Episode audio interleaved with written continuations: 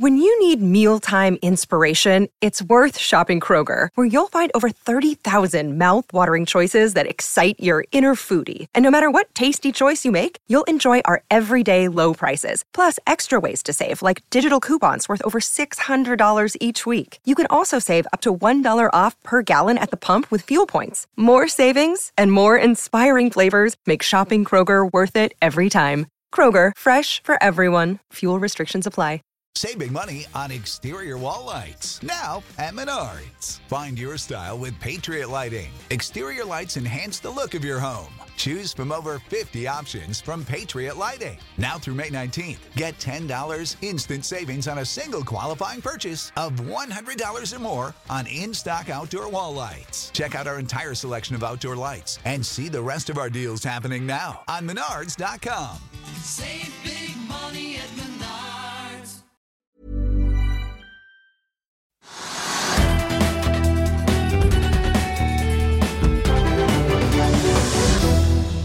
ny rød dag på europeiske børser der Oslo Børs er den ene grønne øyen, får vi si. Sveriges regjering kommer hele Nordens energibransje til unnsetning. Høyere boligpriser i august, og det blir altså Liz Truss som blir Storbritannias neste statsminister. Ja, Det er overskriftene på denne mandag 5.9. Velkommen til Økonominyhetene. På en dag med mange nyheter og stor uro i markedet har vi fått med oss Trygve Hegnar her i studio. Og så skal vi også høre hva eiendomsbransjen sier om de ferske augusttallene. Men la oss eh, begynne med markedet akkurat nå, for fredagens relativt gode jobbrapport fra USA, kombinert med Russlands varsel om full stans i gassrørledningen Nord Stream 1 i overskuelig fremtid, har gitt eh, investorene nok å fordøye. Og i helgen rykket altså Sveriges statsminister Magdalena Andersson ut i en hasteinnkalt pressekonferanse Sammen med sentralbanksjefen, lederen for Finanstilsynet og finansministeren selv, så la hun altså en statsgaranti på 250 milliarder svenske kroner på bordet, som varer ut eh, mars for å unngå det regjeringen selv beskrev som en potensiell finansiell kollaps i eh, Nasta Clearing og i det nordiske kraftmarkedet. Som de altså var helt åpne på at de fryktet kunne begynne å utløpe, altså spille seg ut allerede fra i dag, i kjølvannet av denne beskjeden fra Russland på fredag. altså. Denne nye garantipakken kom på toppen av den prisstøtten på 90 milliarder som svenskene har allokert til bedrifter og husholdninger. Og finske myndigheter fulgte opp eh, i går med en garantiordning på 10 milliarder euro til finske kraftselskaper. Svenskene garanterer jo for alle nordiske medlemmer på Nasdaq i to uker, og dermed er det altså den ordningen som norske aktører må lene seg på, for norske myndigheter varslet i går at de foreløpig ikke ser behov for å komme noen tiltak for norske aktører. Før vi ser på markedet og alt eh, av store kursutslag eh, som vi har sett i dag, tenkte jeg vi skulle ta noen eh, andre nyheter som har kommet. Storebrand varsler at de kjøper det norske fintech-selskapet Kron for 400 millioner. Dette var et selskap som i sin tid ble spunnet ut av formuesforvaltning. Det ligger en potensiell merbetaling i fremtiden avhengig av resultatene. og Kron har jo da 7 milliarder kroner under forvaltning og 67 000 kunder. Storebrand opplyser at oppkjøpet senker solvensgraden deres med halvannen prosent prosentpoeng. Og gjennomføringen er planlagt til fjerde kvartal. Storbaneaksjen er ned 1,7 i dag, og faller dermed litt mer enn konkurrenten DNB, som er ned 0,9. Øystein Straspitalen dominerte SD Standard, endte fredag opp litt over 5% etter meldingen om en rettet emisjon i Dolphin Drilling og planer om en børsnotering på Ironext Growth. I dag kom meldingen om at eh, man har klart å hente 45 millioner dollar, fem mer enn planlagt. Og aksjen tikker oppover en halv prosent til. Tidligere i dag så var den opp nærmere 5 Og Vi tar med at eh, Carbon Transition har varslet at de har eh, besluttet å endre strategi, og at de skal investere knappe 2 millioner dollar i denne Dolphin-emisjonen. Havila Shipping faller nesten 5 i dag, etter meldingen om at de selger Havila Phoenix-skipet etter pålegg fra långiverne som en del av restruktureringsavtalen. Salget fører likevel til at Havila beholder managementet av skipet, og at det ikke får noe særlig regnskapsmessig effekt. Før vi går videre i sendingen, husk at du også kan se sendingene våre ved å gå inn på fano-tv, og at vi også har andre podkaster enn bare Økonominyhetene, som Morgenkaffen, Gründerpodkasten Veien hit, Ukens vintips, Kunstpraten og bilpodkasten Mil etter mil. De finner du ved å søke Finansavisen, der du hører på podkast. Hovedveksten på Oslo Børs falt 3% i forrige uke, og i dag eh, Trygve, kan vi vel si at det var nesten kjerringa mot strømmen, for det var vel den eneste grønne lille øyen vi hadde rundt i eh, Europa. Voldsomme utslag i dag, hvis du ser på Equinor-aksjen og Ja. mange store aksjer. Ja, men det er en god grunn. Altså, Norge er jo nå på en måte lykkelandet. det er det ene. Vi er en øy som da på en måte i et hav av røde børser, så er vi den eneste, den eneste børsen som stiger. Nesten 1% som du er inne på. Og Det skyldes jo det sjokket vi nå har fått fra altså Russland. Alle har jo da på en måte sett problemene med gassen som man ikke får. At Russland har senket da liksom eksporten av gass ned til 20% av normalen i, i, i flere uker. Eh, og vi har sett at Gassprisen stiger jo voldsomt. Den ligger nå på det ti ganger det den gjorde for et år siden, to, etter to år siden. Så den er ti ganger opp. altså ti, Ikke 10 ti ganger opp.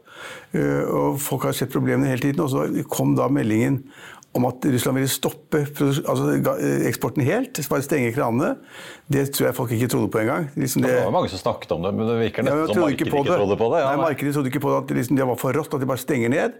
Uh, så har man liksom kvalt markedet en stund, og så stenger man helt ned, kunne man tenke seg. Men så kom meldingen, gal eller, altså, om den er gal eller ikke, vet jeg ikke, men det kom meldingen da at en av Putins nærmeste fortrolige og han, opptrer ofte som en pressemedarbeider. Han har nå kommet og sagt at liksom, nå vil det være stengt inntil sanksjonene er borte. Altså, det er krig. Altså, sanksjoner er det viktigste de vestlige landene har eh, mot Russland. Og hvis man da krever at Russland ikke, de krever at liksom sanksjonene skal vekk, før de nå eksporterer en dråpe gass, holdt jeg på å si, så er det, det, er krise. Og derfor, altså, da ser man at oljeprisen stiger. Og når oljeprisen stiger, så, eh, så den, den ligger på 105, nei, 95-96 dollar per fat.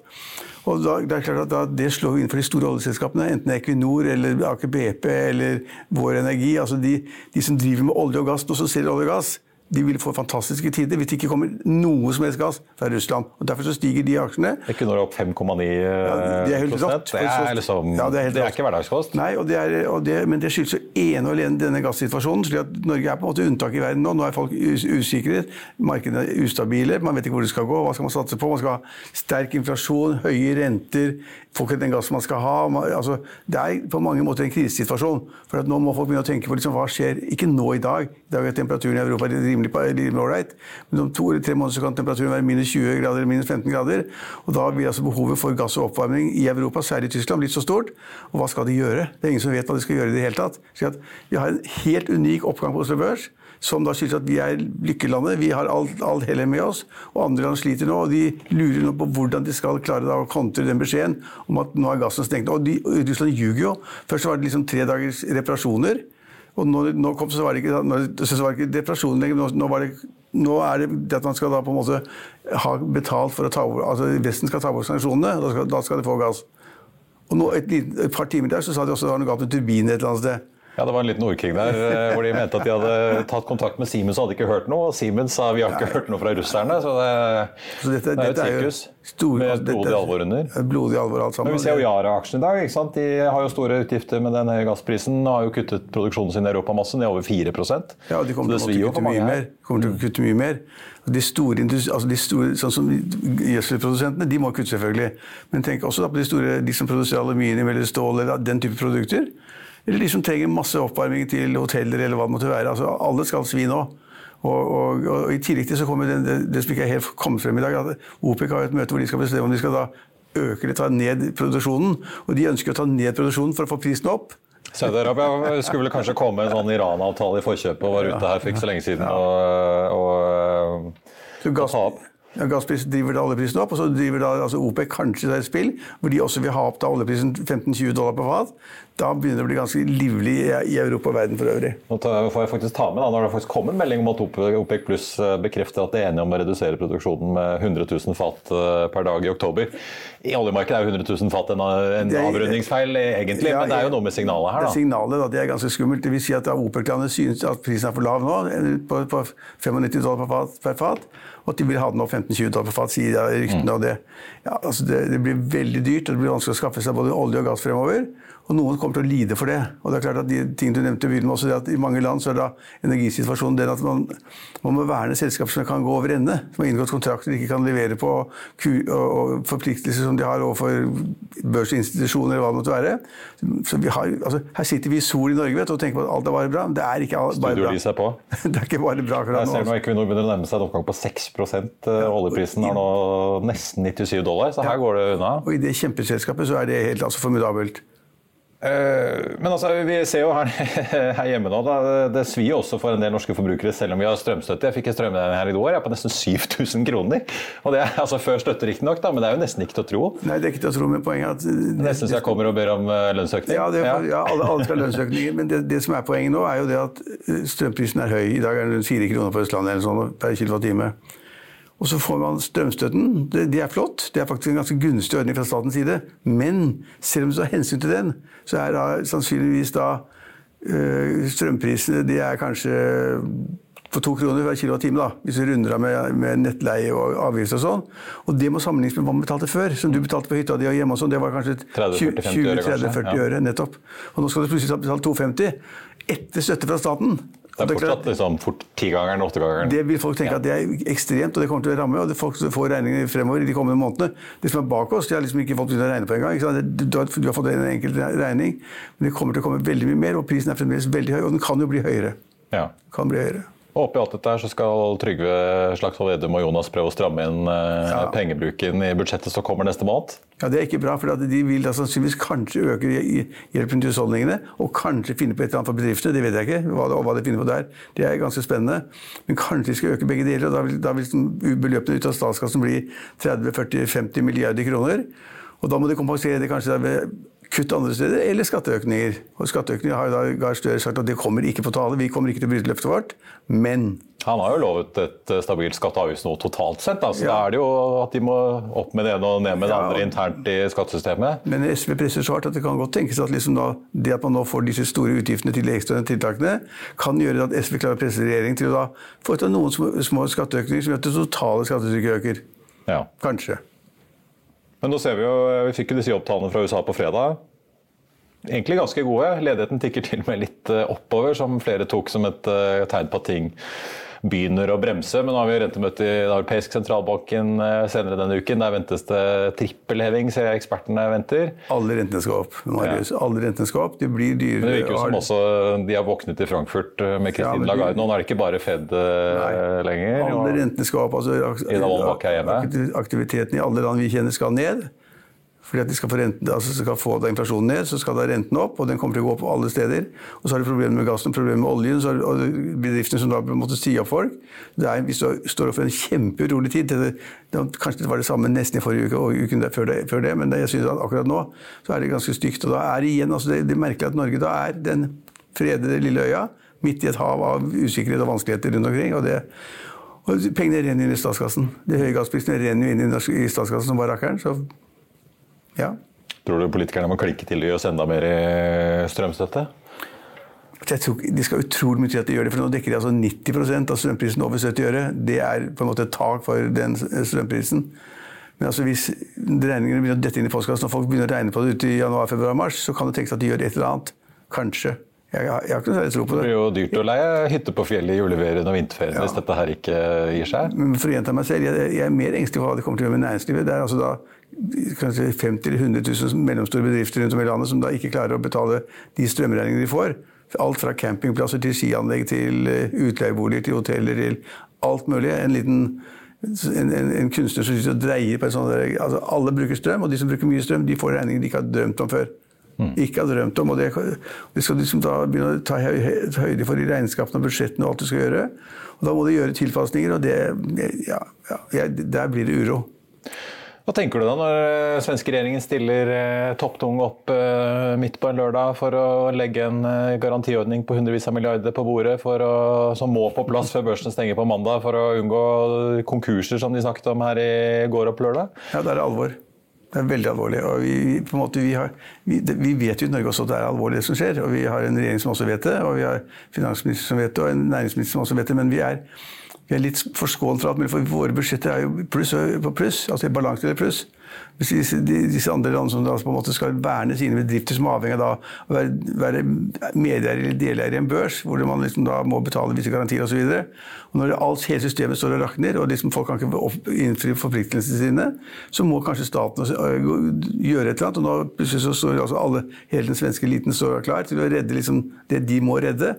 Og den type ting vil vi få se for fremover, også i Tyskland øh, og i andre land som da på en måte ikke har kommet, og Storbritannia som ny statsminister osv. Så jeg, jeg, altså jeg, jeg tror at det skjer mye mer enn det man ser. Og det er mer alvorlig enn det man tror. Og det, Vi kan bare slutte sirkelen gå tilbake til det med Russland. Og altså da, hvis de virkelig har sagt, hvis denne pressetalsmannen eller rådgiveren til, til Putin har sagt det at liksom, den gasskranen blir skrudd helt 100% igjen inntil sanksjonene er hevet, da har vi en ganske alvorlig situasjon. Hva skal, hva skal, de, hva skal de vestlige svare med? Nei. Jeg hørte mange på oljemessen i Stavanger som uh, sa til meg i gangene og mellom arrangementene at uh, de var ganske nervøse for uh, hva som skjedde hvis det ble en vindstille og kald vinter. Ja, og, så, og, og, så og det er ikke bare at det er dyrt, det, er, det virker som en genuin bekymring for at det vil bare stoppe opp. Ja, og det er et problem. og da kan du si at De som da i dag på Oslo Børs, et par aksjer som har gått opp 5-6-7 det er de selskapene som driver med LNG. De som har skip som skal frakte LNG, eller de som da bygger terminaler for LNG. De er oppe, ikke sant? Liksom, vi har, vi har Så Danske Bank var ute med å jekker opp kursmålet på dette Cool Company, ja, altså, som bl.a. Trøim har vært involvert i nok en gang. Fra vi er, vi er golf, vi er, 100 til 150 kroner kursmål, nå er den opp 5 i dag til 122. Ja. Ja. vi, har, vi har til og med den fordelen at ikke bare at vi har egen gass, som staten tjener masse penger på, og Equinor tjener en formue på, så har vi det forholdet at norske skipsredere har da flaks eller ikke, så har da kontrakter i da den type skip som kan bøte litt på situasjonen. Vi har fraktet da gass fra andre land, fra, fra landet altså Qatar eller hvor det måtte komme fra.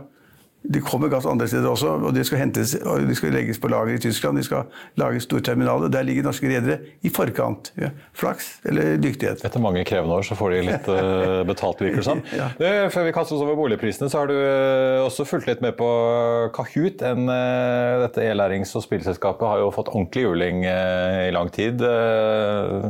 Nye, ned nye 3,5 i dag. De er oppe i da, et fall på over 60% siden nyttår. Ja, den har vært ned 5 der, tror jeg. Det kursen var ned på 17 kroner. og det, Vi, vi synes det, er, altså, det er litt spennende, spennende, å følge med. fordi det, liksom, det, var veldig profilerte investorer der. Eh, Softbank var inne, og Volberg Softbank, en av verdens største investorer, var inne der og tok en posisjon så stor at det drev kursen opp. og Da sa alle Softbank er inne, da må kursen gå. Halleluja. Halleluja. Alle, alle var fornøyd, og ledelsen var fornøyd. Og toppledelsen begynte å kjøpe aksjer i, i Kahoot selv også.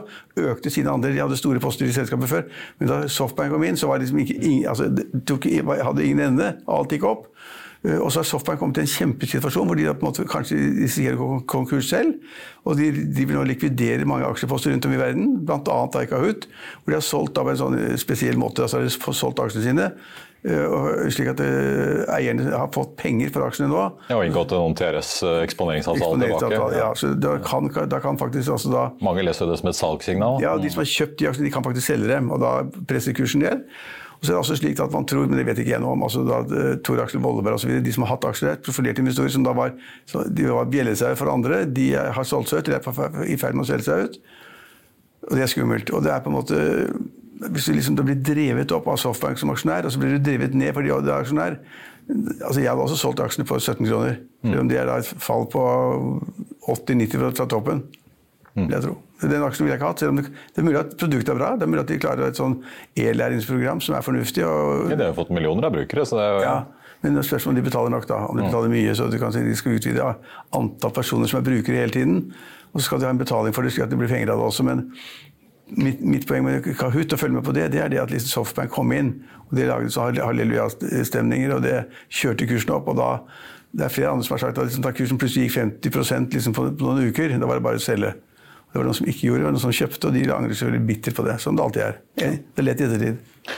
Ikke noen stor oppgang å spore for tech-aksjer ennå. Eh, vi skal over til eh, boligprisene som eh, kom i dag.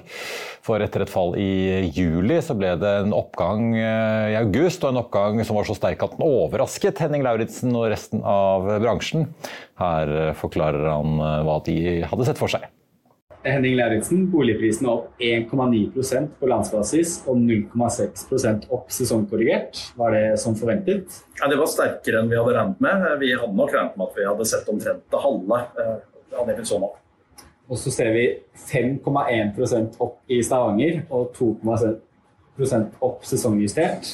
Hva skjer her? Ganske jojo-tall sammenlignet med juli og juni? Ja, Stavanger og, Kristiansand har jo vært veldig sterke i år, men eh, vi liker ofte å se de områdene i sånn to-tre måneders perspektiv, for de svinger en del de tallene som er der. Volumene blir litt lave i noen perioder, f.eks. som juli. Og så ser vi Asker, Bærum, Follo er bare opp 6% om man kan si det. Og Tromsø opp 6,5 Sammenligner du med Kristiansand, som er opp 12,8 så er det ganske stor differanse her. Ja, det er veldig stor forskjell. Eh, Tromsø så tror jeg nok at eh, der begynner balansen i markedet å bli veldig god. Vi er tilbake på tilbudssiden på prepandemiske nivåer. Asker og Bærum og, og Follo har vært en litt, hengt litt etter en periode, men vi tror nok også de kommer til å komme og få drahjelp av at Oslo blir sterkere stadig vekk. Og så snakkes det om en eh, småhusplan i Bærum. Den vil vel også slå ganske kraftig ut på prisene her etter hvert? Ja, Nå er det jo frys i Bærum i, eh, i småhusområdene på samme måte som vi har sett i småhusområdene i Oslo. og det, det, er klart at det vil svekke tilbudet over tid, og vil også kunne få betydning for boligprisene. Nå er det riktignok midlertidig, akkurat som det er i Oslo, men, men spørsmålet blir jo hvor lenge dette kommer til å vare. Og I kombinasjon med 702 var det det, igangsettingstillatelser i Oslo hittil i år. Det er ikke særlig mye. Nei, altså Rundt 100 igangsettingstillatelser de årets syv første måneder. Det, det, borger jo for at vi kommer til å se en lav eh, overtagelsesfrekvens på nye boliger om et par år frem i tid. Så dette lover ikke godt, for nå er befolkningsveksten på vei opp igjen. Den svake tilbudssiden vil da kanskje trumfe høye, høyere rentenivåer framover? Ja, i hvert fall Hvis vi ser det relativt til andre steder i landet, så, så tror jeg nok at vi kommer til å se effekter av den svake tilbudssiden som, som gir en sterkere boligprisvekst i Oslo enn de fleste andre steder. Og med de augusttallene vi da har fått, så har altså boligprisen steget syv av åtte måneder i år, med unntak av juli. Trygve, ble du overrasket at du så den prisoppgangen eh, vi så her eh, nå i august? Litt, altså 1,9% var over jeg kunne tenke meg. Men vi hadde sett at Obos-tallene var jo opp, da. Ja, Så var det veldig rolig i juli, da. Så var så var det mange litt, som var tilbake fra ferie. Og... Litt, litt, ned i juli, ikke sant. Og folk gjør ingenting. Folk er på ferie i Norge, og så kommer de hjem, og så skal de liksom da vurdere situasjonen. Og så er det det at i Oslo er det er underskudd på boliger. De kan si hva de vil. Det er, det fortsatt. Ja. Ja, det er underskudd på boliger, og det, på en måte, tilbudssiden er for lav. Og derfor er det lett å få den der oppgangen i, i prisene. Uh, det som gjør at jeg ikke trodde på 1,9, men altså litt lavere, da, det var det, var det enkle faktum at renten er på vei oppover. Men det har ikke begynt å slå ut ennå. Du har ikke fått rentefaktorene. Henning Lauritzen var inne på det. Verken, eh, altså de er veldig usikre på effekten av strøm ja, og renter. Han sier at rentene kommer jo til å slå inn, men de har ikke gjort det ennå. De har ikke gjort det hele poenget. så De har ikke, de har ikke slått inn ennå. Folk har ikke fått de rentenotene. Når de får de om en stund, og de blir høyere selvfølgelig Norges Bank kommer helt sikkert til å øke renten. altså Helt sikkert, Marius. Nå i september, ja. De diskuterer vi ikke engang. De kommer til å øke. Og, da blir det enda større rentenoter. Og det, jeg vil bli veldig overrasket om ikke da usikre tider liksom sånn generelt. Da, men altså, vi har, vi har og usikre, Da. Vi har jo da ikke ledighet i Norge i det hele tatt. Vi har en ledighet på 1,6 Dvs. Si at hele Norge er i arbeid. Når hele folk er i arbeid, så er det også penger til å kjøpe boliger for og betale mer for boligene. Og de får lån. Og de får lån. Ja. Også, skal si at hele folk i arbeid det er en sterk faktor for at boligprisen skal holde seg å øke. Og så På den andre siden så skal man forvente at prisene blir vanskelig å få opp hvis du da får en mye høyere rente. For, altså, rentekostnader er kostnader i husholdning eller i bedrifter. Og Derfor så tror jeg at vi får kanskje en avmatning. altså De vil kanskje stige noen måneder fremover også, men vi får en avmatning ut mot året i takt med at rentene øker. Det slår ut. Det, slår det må jo snart, ja. Altså, de første økningene fra junimøtet Norges Bank begynte å slå ut i, ja, det var i hvert fall trukket nå i september, sikkert ja. i august for mange. Så kom det en ny økning nå i oktober er det vel, fra den økningen vi akkurat hadde under Arendalsuken. Og så, ja, så kommer det enda en økning da i november-desember igjen. Ja, det, altså, det, må jo begynne å presse både i boligmarkedet og jeg tenker på varehandelen til julen nå. Ja, ja men folk, hvis folk skal ha bolig, altså, du vil bo da i Oslo eller nær Oslo, så må du betale prisen da. Så det er ikke så lett liksom, å få liksom, prisen til å bli vesentlig lavere. Det er ikke lett. Eh, da, da, må de bygge mye mer. Hvor lang tid tar det å bygge boliger? Og det er evigheter med fem og ti år med reguleringer og planlegging og naboer og alt som måtte være. Så det, det går for sakte. Altså, det, altså, det, man kan gjøre, det er å flytte ut av Oslo. I Nittedal eller Lire eller hvor det måtte være. Jeg vet ikke hvor langt man må reise. eller Drammen. Ski og Tønsberg og Horten. Det er det man sannsynligvis må gjøre. For, ja, for Oslo er på en måte uløselig inntil de får bygget mer. Og det kommer masse rare, skrullete forslag fra politikere, SV-politikere og andre. Man må gjøre noe med hele prisstrukturen og finne på andre måter å eie bolig på i Oslo. Det er bare sludder. Det er en sånn eh, latterlig ønsketenkning som det har ikke noe med realiteten å gjøre. Folk, de fleste vil eie bolig, og de vil kjøpe, og, da, og så sliter de med å komme inn. Og det kommer til å bli vanskeligere vanskeligere fremover. Jeg merker meg Eiendom Norge snakker om at det er, virker å være bedre balanse i markedet nå med flere boliger ute enn det det var i starten av året. var det jo, snakket jo bare om hvor få boliger det var ute til salg, så at det ble veldig sånn press. Nå virker det som det er flere boliger ute, at det kanskje blir litt mer sirkulasjon da, i hvert fall. Jeg, jeg, jeg, jeg, har ikke sett tallene akkurat nå, men det er ikke mer enn et par måneder siden så var det da altså, rekordlavt ut til, på tilbudssiden var altfor lavt, utbyttet var for lite. så Ja, det kan jeg ikke eksakt, men altså, jeg var overrasket over 1,9. Det er ganske mye. Mm. Obos-prisene understøttet det, og sannsynligvis er det kanskje nå en sånn liten topp akkurat nå, så vil det da flate ut mot nyttår. og det, det gjør ikke noe om det. Altså Hvis boligprisen i løpet av året stiger med 7-8-9 det er mye. Det er mye. Er det så ille at du tror Norges Bank kommer med en dobbeltheving til i september, eller er det for tidlig å Tror du de sitter litt på gjerdet og tenker sånn fortsatt? Nei, jeg tror de kommer med en dobbeltheving. Ja. Jeg tror jeg, De syns at prisveksten er altfor stor her. Og, det, og de mener sannsynligvis, men det kan de aldri si, de mener sannsynligvis at arbeidsledigheten er for lav også. Når den er så lav, så det, blir det et kjempelønnspress. Det vil være overalt. Og det lønnspresset kan føre til økt prisstigning. Og det, det, vil Norges Bank på en måte sette stopp, en stopp for ganske tidlig. De kan ikke bare vente på at det skjer. Det er, altså, si det i Norge at arbeidsledigheten er for lav, det kan du ikke si, men er, den er for lav. Presset er for stort. Uh, I USA snakker de åpent om det. Ja. Takk skal du ha, Trygve. Vi eh, ses.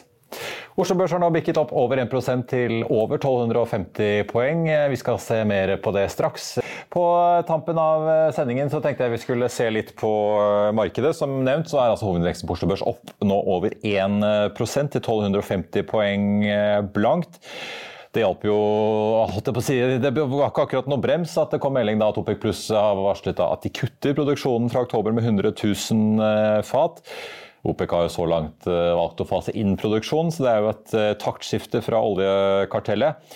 Nordsjøoljen opp nå 4,6% en saftig oppgang til 96 dollar og 40 cent for et fat nordsjøolje i spotmarkedet. Den amerikanske lettoljen ligger på 89,77 og suser mot 90 dollar fatet. Vi ser altså en kraftig oppgang i en rekke energirelaterte aksjer på Oslo Børs. Equinor opp 5,8 eh, Selvfølgelig da veldig mye takket være den store gasseksponeringen de har. Gassprisen i Europa i dag har jo steget med pluss-minus 30% så vi meldinger om tidligere i dag, etter meldingen om at Nord Stream 1 altså ikke blir eh, gjenstartet. Hvor Energi Aker BP 2,9 og 2,3 opp, drar veldig mye opp. Vi ser også andre som PGS 1,9% Hafnia 4,6% Aker Solutions 1,5 Flere store tapere derimot. Yara, som selvfølgelig rammes av høye gasspriser, ned over 4% nå. Norsk Hydro så vidt ned 0,2. Ellers så ser vi også eh, Telenor ned 1,9, Kahuta 3,2 og Borr eh, Drilling, som fikk en veldig god opptur på Wall på fredag, nå ned 2,8% Rundt hos Europa eh, får vi si ganske rødt nå. Dagsindeksen i Frankfurt ned 2,3% så det svelges unna alle de dårlige nyhetene her. Og futures på Wall peker mot en svak nedgang da etter det fallet på en drøy prosent som vi så på fredag etter jobbmarkedstallene. Så tenkte jeg bare vi skulle ta med Cool Company. Danske Bank har jo da jekket opp kursmålet Eh, til 154 kroner. Den aksjen ligger nå på 124 blank, opp 6,5 i dag på LNG-aksjen.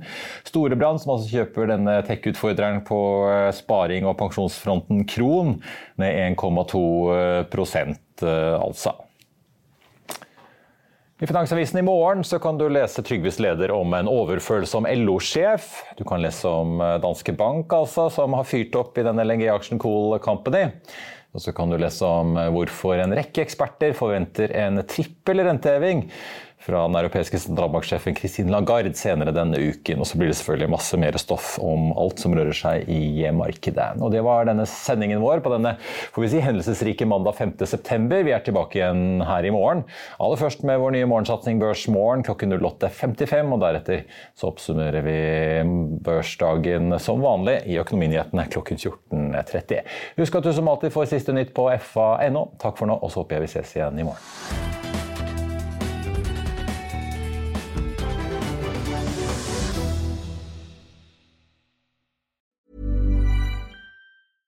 Small details are big surfaces. Tight corners are odd shapes. Flat, rounded, textured, or tall. Whatever your next project, there's a spray paint pattern that's just right. Because Rust new Custom Spray 5 in 1 gives you control with five different spray patterns. So you can tackle nooks, crannies, edges, and curves without worrying about drips, runs, uneven coverage, or anything else. Custom Spray 5 in 1 only from Rust Hi, I'm Daniel, founder of Pretty Litter. Did you know cats tend to hide symptoms of sickness and pain? I learned this the hard way after losing my cat, Gingy. So I created Pretty Litter, a health monitoring litter that helps detect early signs of illness by changing colors, saving you money and potentially your cat's life. Pretty Litter is veterinarian developed, and it's the easiest way to keep tabs on your fur baby's health right at home. Go to prettylitter.com and use code ACAST for 20% off your first order and a free cat toy. Terms and conditions apply. See site for details. When you make decisions for your company, you look for the no brainers. If you have a lot of mailing to do, stamps.com is the ultimate no brainer. Use the stamps.com mobile app to mail everything you need to keep your business running with up to 89% off USPS and UPS. Make the same no-brainer decision as over 1 million other businesses with stamps.com. Use code program for a special offer. That's stamps.com, code program. Økonominyhetene er en podkast fra Finansavisen. Programledere er Marius Lorentzen, Stein Ove Haugen og Benedikte Storm Bamvik. Produsenter er Lars Brenden Skram og Bashar Johar. Og ansvarlig redaktør er Trygve Hegnar.